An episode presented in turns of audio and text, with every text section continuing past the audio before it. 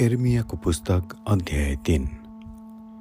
यदि कुनै मानिसले आफ्नी पत्नीलाई त्याग्छ र त्यो स्त्री उदेखि छुट्टिएर अर्को मानिसकी पत्नी भई भने के त्यो मानिसले फेरि त्यस कहाँ फर्केर जानुपर्ने?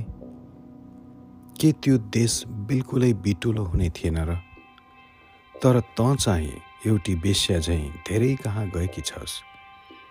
र के त म कहाँ फर्केर आउँछेस्? परमप्रभु भन्नुहुन्छ। आफ्ना आँखा उठाएर नाङ्गा डाँडाहरूमा हेर।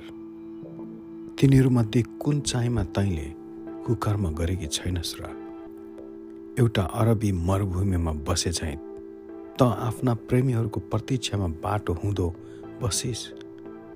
तैँले देशलाई आफ्नो बेविचार र दुष्ट कर्मले बिटुलो पारेकी छेस्।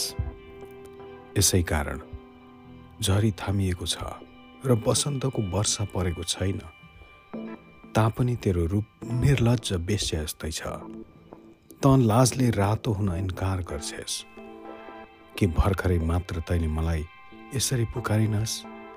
हे मेरा पिता यो अवस्थादेखि मेरा मित्र के तपाईँ सधैँ रिसाइरहनुहुन्छ र के तपाईँको क्रोध सधैँसम्म रहिरहन्छ? तैँले त यसरी कुरा गर्छेस्। तर तैँले सकेसम्म खराबी गर्छेस्। अविश्वासी इजरायल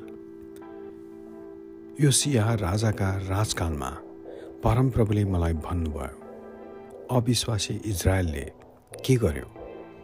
के तैँले देखेको छस्? त्यो गएर हरेक डाँडामा र हरेक झ्याममा परेको रुखमुनि त्यसले बेविचार गरेकी छ। त्यसले यी सबै काम गरेपछि म कहाँ फर्कन्छे होला? भनी मैले विचार गरेको थिएँ तर त्यो फर्किन। र त्यसकी विश्वासघाती बहिनीले त्यो देखी। त्यस अविश्वासी इजरायलका सबै बेविचारीको कारणले त्यसलाई त्यागपत्र दिएर निकालिदिए। तापनि मैले हेरेँ त्यसकी विश्वासघाती बहिनी यौदा डराइन् तर गएर त्यसले पनि वेश्यावृत्ति गरे। वेश्यावृत्ति इजरायलको निम्ति यति सजिलो कुरा भयो। कि त्यसले ढुङ्गा र रुखसित बेविचार गरेर देशलाई बिटोलो पारे। यी सबै भए तापनि त्यसकी विश्वासघाती बहिनी यहुदा पूर्ण हृदयले त होइन तर बाहिरी रूपले मात्र मतिर फर्की परमप्रभु भन्नुहुन्छ परमप्रभुले मलाई भन्नुभयो अविश्वास इजरायल विश्वासघाती यहुदाभन्दा अझ धर्मी ठहरे। जा उत्तरमा गएर यो सन्देश प्रचार गर। हे अविश्वासी इजरायल त फर्की।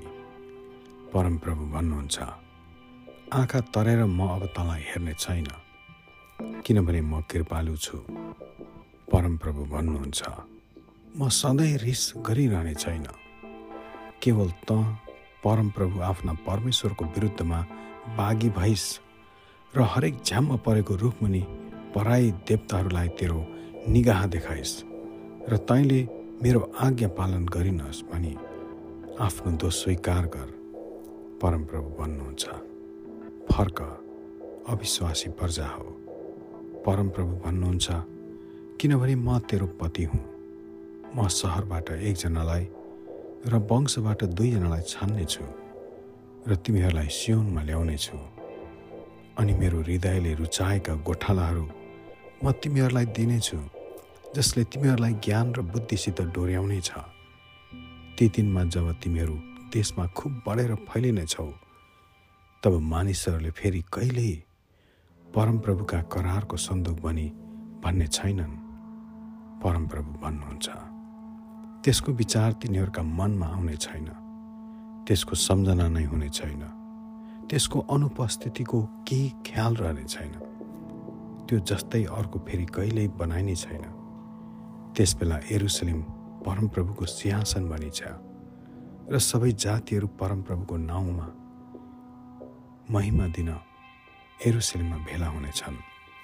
हटी भएर आफ्ना मनका दुष्ट कुराहरूमा तिनीहरू फेरि कहिल्यै लाग्ने छैनन्।